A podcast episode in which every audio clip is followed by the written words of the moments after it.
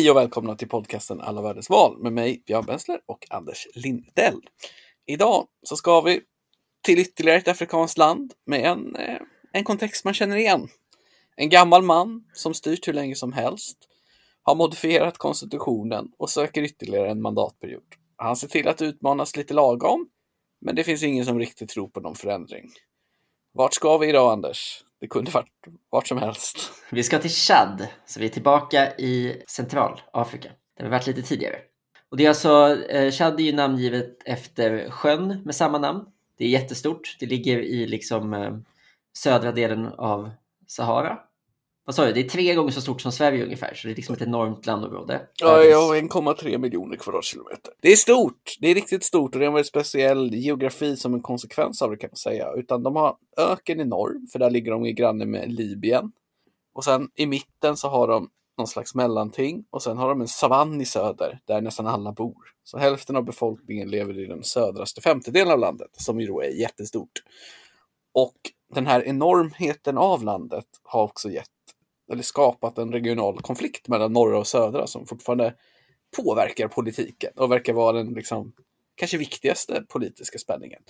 Men eh, skit i det nu. Vad har vi på statsskicket då, Anders? På pappret kan vi säga. Ja, det är, ett, eh, det är som så många andra ett eh, presidentiellt eh, system. Men här, liksom inte, här gör man sig inga ursäkter och försöker ha semipresidentiellt sådär, utan det är en väldigt, väldigt stark president och liksom som har en väldigt stor, stor makt att utse alla möjliga funktioner. Och den väljs direkt i, med femåriga mandatperioder. Och det är ju presidentvalet i Chad som sker den 11 eh, april, som vi pratar om i det här avsnittet. Givetvis, och det är ju också en teorin en sån här två valomgångar historia. Men det har väl aldrig ha, hänt? Nej, det har aldrig, aldrig hänt. Inte sen, nej det har nog aldrig hänt. Det kan ha varit 96, året då det faktiskt var ett riktigt val. Ja, just det. Och man har ett parlament då med 155 platser. Och eh, sett du har noterat att de liksom bara träffas två gånger om året? Ja, i april och oktober verkar det som. Något så att man har liksom som två, två, två tillfällen då man lever av alltihopa. Ja, yes, exakt. Och eh, vid ett tillfälle där de inte lyckas få fram en budget så kan presidenten upplösa parlamentet. Ja, det är så förstår jag. Jätteudda setup. Det som jag tycker var roligt med konstitutionen dock, att konstitutionsdomstolen har nio domare som sitter på nio årsperioder. Mm. En liten symmetri. Kan det finnas en Wayne Gretzky-hyllning i det? Eller är det? Det är lång, nog... Eh, långsökt. det var det mest långsökta som har sagts i den här podden av långsökta spaningar. Och, men, eh, och det man sen liksom, om man skulle sammanfatta liksom, det absolut viktigaste att veta om Chads eh, konstitution och demokratiska kapacitet är ju att det av liksom alla bedömare inte betraktas som ett, ett fritt och demokratiskt land. Liksom, om man kollar på Freedom House så ger de Chad tre poäng på politiska rättigheter, alltså 3 av 40. Så det är ju ett, det är ett land med väldigt liksom, internationellt eh, och, även nationellt kritiserat demokratiskt funktionssätt. Och därför så kommer vi göra en liten annorlunda take på det här. För när vi kommer till kandidaterna sen så blir det snarare en vilka hade kunnat ställa upp än ja. vilka kommer att ställa upp. Så vi ska väl lite snabbt snabbspola till dagens kontext och vilka som hade kunnat vara kandidaterna genom en tre minuters exposé av moderna Chads historia. Det blir väl kul? Det blir det. Eh, och den kommer då från mig. Men Chad är då ett enormt landområde i mitten som ju därav då är liksom en stat idag som givetvis har extremt många olika utgångspunkter från början. Så att jag förstår det som att det finns typ 200 olika språk och etniska minoriteter och allt möjligt inom det här enorma området.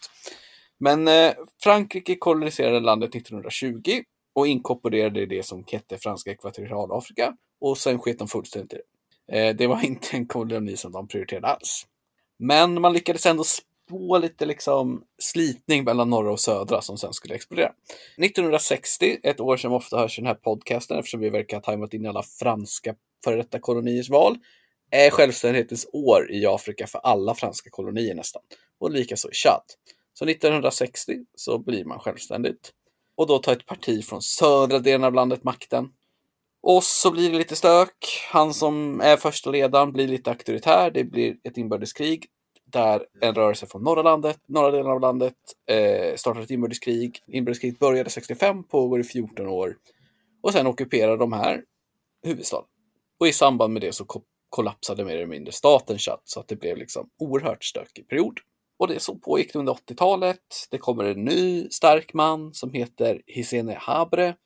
Han backades av fransmännen och var deras man helt enkelt och tog makten. Eh, men sen så visade sig han vara ingen direkt demokrat utan han gynnade det egna folkslaget och eh, diskriminerade mot andra. Och med diskriminerade menade jag systematiskt våld och mord. Var han eh, från liksom södra eller norra? Var det fortfarande södra som dominerade? Eller? Eh, Tobo, jag tror han är faktiskt från eh, norra. Ja. Eh, för att Libyen hade en liten eh, visiting i countryt när det var politiskt kaos och ockuperade delar av norra Chad och han Mm. eh, slängde ut dem. Men i alla fall så blir han avsatt 1990 och då tar nuvarande presidenten Idrissa Deby makten.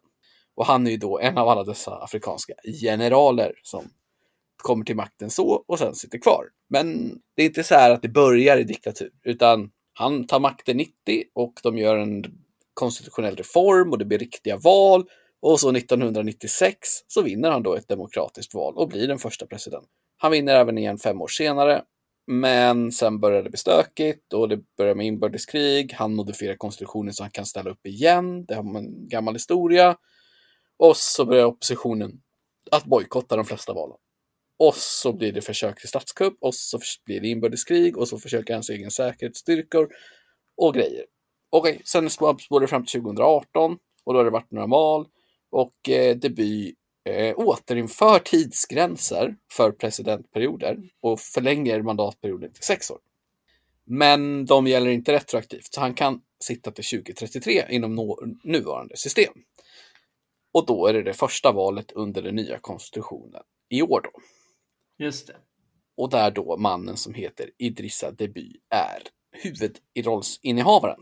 Ja, det får man väl verkligen säga. Hans eget, eh, jag kollade upp hans, eh, vid hans Twitterprofil kan man se hans en slogan som kandidat. Vet du vad det är? Hans valspråk liksom. Nej, men jag kan ju Jag vill ju tänka mig att det har någonting med att han är liksom eh, det atletiska valet. Nej, nej, men han är så här, konsensuskandidaten. Det tycker jag. Det är liksom på något sätt härligt att vara det när man har eh, förbjudit Hur, eh, vad händer annars på hans Twitter undrar jag då direkt. Ja, det är rätt mycket. Det är en del. Det är mycket olika. Det är liksom en ganska klassisk politiker-Twitter skulle jag säga. Mycket olika kam- på kampanjmöten och ja, eh, visar folkets glädje när han kommer ut och så. Men det är, eh, jag skulle säga att eh, vad ska man säga, att de självförhärligande tendenserna på politiker-Twitter, det är nog ingenting som just Chads demokratiska kultur ska lastas för, utan det är nog mer ett, ett globalt problem. Står det att retweets inte lika med endorsements? Nej. Eh, nu är inte min franska så bra, men jag tror inte det. Kanske inte retweetas så mycket.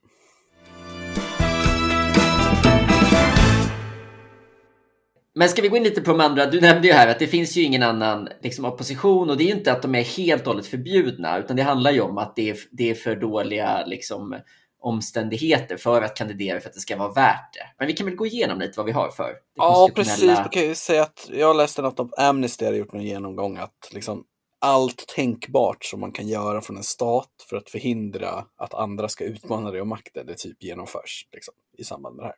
Ja, men vi tar några då. Vi har ju lite, vi har lite lista på, på folk som ville ställa upp och sen har slutat, inte fick eller av andra anledningar har avbrutit sin kandidatur. Så ja, vad har vi då? Ska vi börja med Keb Sabo? Ja, men det tycker jag. Det är ju en, han är ju liksom, eh, börjar bli gammal vid det här laget, Saleh Kebsabo. Han var minister på, på 90-talet, under det glada 90-talet, eh, där det då genomfördes en del demokratiska val. Han, han kandiderade i och liksom kom tvåa och trea och sådär ibland och um, fick sen vara, vara minister. Har haft massa olika ministerposter liksom. Så det verkar ha varit en ganska eh, uppskattad insider ett tag. Kommer från vad jag förstår ett parti som har varit, stått lite mer åt vänster med liksom Socialistinternationalen och sånt där. Och är själv gammal journalist från början. Han verkar ha kört fyra gånger och han är, då tänker man ju direkt på alla andra, andra afrikanska val. Det finns alltid någon sån här snubbe. Ja, som Som- har liksom som- hela tiden varit med. Och så 13 procent det bästa. 2016. Ja, precis. Ligger, ligger liksom där kring, på ganska låga siffror. Men, men ändå varit, som jag tolkar ändå en ganska enande oppositionell figur. Liksom har en, verkar ha en, ett hyfsat stort förtroende inom oppositionen och vara en person som man ändå sluter upp en del kring. Eh, Men han har ju då valt att eh, efter att ha kandiderat så, så har han valt att i protest ställa in sin kandidatur. Liksom för att inte, som han uttrycker det, liksom, ehm, Han vill inte delta i maskeraden längre. Just det. Ungefär så. Så att, eh, så att nu är hans taktik istället, liksom, den uttalade taktiken är att han och några andra oppositionspartier, de liksom försöker istället bara mobilisera olika protestmarscher i städerna för att liksom bara protestera mot valet och liksom se till att det ställs in eller skjuts upp av olika skäl. Antingen kanske liksom turbulens i samband med det här eller bara att det har en så låg legitimitet att det inte finns en, en poäng med hållare. Det är liksom deras, deras huvudsakliga mål nu, Ja, alltså inte ställa att in vinna några platser. Ja. Eh, Han drog sig ur för att på grund av en skjutning hemma hos en annan kandidat, Yahya Dillo. Eh, och då går vi väl över på han. Och då var det ju då inte en skjutning där det var någon rånare eller så, utan det var ju då polisen som kom hem till Dillo och sköt. Och han är då en, en tidigare insider också. Det är lite stökigt, jag förstod inte det 100% men han verkar ha varit en rebellledare mot Deby, sen in i regeringen under Deby. Men han verkar ha varit någon som sågs som ett hot av Deby i alla fall. Eftersom Säkerhetspolisen kom hem till honom några dagar efter att han hade annonsat sin och skulle arrestera honom för brottet slandering the president's wife. Och det, det är Al Jazeera källa på det, så att det är ganska, ganska pålitligt. Mm. Och då tänker jag direkt att slandering the president's wife, är det lite som att du skulle fylletweeta om Ulla Löfven då, eller? ja, det kan det. Ja, han hävdar i alla fall att, hans, att det var då flera personer som dog i den här arresteringen som skulle ske. Polisen hävdar då att de blev beskjutna först. Enligt denne Dill, Yahya Dillo så är det då tvärtom, att de blev beskjutna och att hans mor och två andra har dött. Det är lite oklart vad som har hänt med honom. Han är försvunnen. Vissa tror att han har lämnat landet, andra att han är liksom bortförd. Eh, också så här, parentes då i hur det funkar i auktoritära stater, det är att han filade då paperwork för att bli en kandidat. Men eftersom sen polisen kom och sköt i hans hem och han försvann så hade, lyckades han inte då bekräfta sin kandidatur sju dagar senare och domstolen ogiltigförklarade honom som kandidat. Den, Ja. ehm, Det ska inte vara för lätt. det ska inte vara för lätt. Men vad har vi mer då? Ja, men sen har vi liksom det unga hoppet. Success Masra. Som eh, är en eh, liksom ung eh, ekonom som har jobbat för liksom, flera stora eh, liksom, internationella institutioner. Han har också varit, liksom, varit med i Desmond Tutus ledarskapsprogram. Eh, och är liksom Det verkligen en... är ju Reddit i Afrika. Ja, det är det verkligen. För, för, de som inte vet, Desmond Tutu är då en hyperkänd biskop från eh, Sydafrika, eller hur? Ja, precis. Känd för sitt eh, anti-apartheid. Han har väl något Nobelpris på CVt? Uff, har han det? Ja, det har han kanske. Gud vad pinsamt. det borde man... Jo, men jag tror han fick något på 80-talet. Ja, vi drar en snabb. Det här, det här klipper vi absolut bort om jag har fel. men eh, Success Master, om jag ska säga någonting om honom. Han är liksom, han, det har bubblat en del kring honom om liksom... 1984 Ja, skönt. hade du på så det var fint. Det har bubblat eh, en del kring Success Masra sen han hoppade av då sitt jobb på Världsbanken för att istället gå in i, eller i Chads politik. Och han har liksom, eh, så, så att de senaste så här, två, tre åren har det varit det. Och det är en rolig grej med det att liksom, en ständig premiss är att det liksom pratas om som en, liksom, en otydlighet om ifall han kommer kunna kandidera eller inte. Så det verkar finnas liksom oklarheter kring de här reglerna för, för president. Och då är det då att han eventuellt utesluts för att han är för ung för att kandidera till president. Och det är inte helt ovanligt att det finns en liksom åldersgräns som ändå är högre än, än den gängse valbarhetsåldern. Eh, Men vet du vad åldersgränsen i Chad är? Jag vet vad den är i Benin, den är 40. Så jag gissar på att den är... Jag, säger att, jag säger att den är 40. Ja, 45. Jaha. Det, är ändå, det kan inte vara liksom, man kan inte ha medellivslängd som är så jäkla mycket eh, högre än den. Sen är det ju väldigt få som blir 45. Det är medellivslängden sätts ju av andra saker. Men ändå. Eh, det, men det är ändå häpnadsväckande hög får man säga. Eh, men han är då, han är med i det här, han har startat ett parti som heter liksom Transformer-rörelsen, liksom, ja, Transformerarna.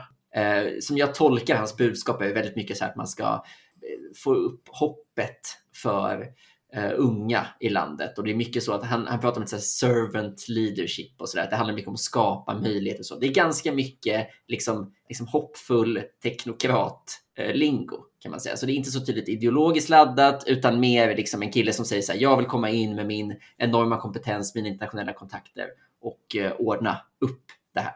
Jag lyssnade på en podd med honom som var ganska så här, ja men ändå ganska spännande. Han är liksom en vältalig, eh, högutbildad person som pratar om att så här, men vi är ett land med en- enormt mycket naturresurser som skulle kunna prestera mycket, mycket bättre. Ja, de har ju jättemycket olja. Ja, Och en oljerikedom som har skapat, det är den Eh, flera av inbördeskrigen har ju handlat om kontroll över oljekällorna och det är där det finns foreign investment och det är där korruptionen finns. Och, ja, det är stökigt liksom. Men Masra är ju då inte 45 så att han eh, kommer inte kunna kandidera nu. Utan hans, han, men han liksom är ändå på ett sätt också lite, precis som man kan säga om Kepsabo, lite av en så här, katalysator för oppositionen. Och hans, han har också ordnat massa marscher. Han fick liksom gömma sig på amerikanska ambassaden för att inte, ja, för att inte bli gripen. Och, men då gick han ändå ut så här kaxigt under USAs beskydd och säga så här, men det är bara att komma och hämta mig för jag har inte gjort något fel. Liksom. Så att han ändå försökt spela väldigt mycket på uppmärksamheten kring honom.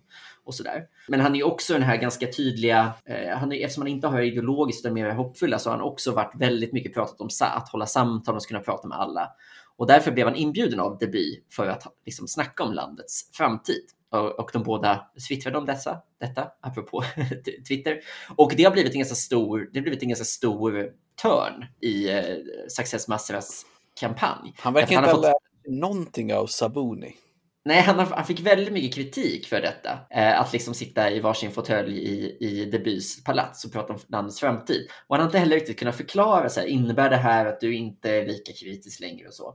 Fan vad det känns som ett rutinerat drag av Deby som ja, lyckats hitta ja. ett sätt att liksom skapa kontroversiell åt en obefläckad vit riddare. Liksom. Exakt. Det känns verkligen. som den rutinerade diktat, semidiktatorn som helt enkelt fintar bort den unga junioren här.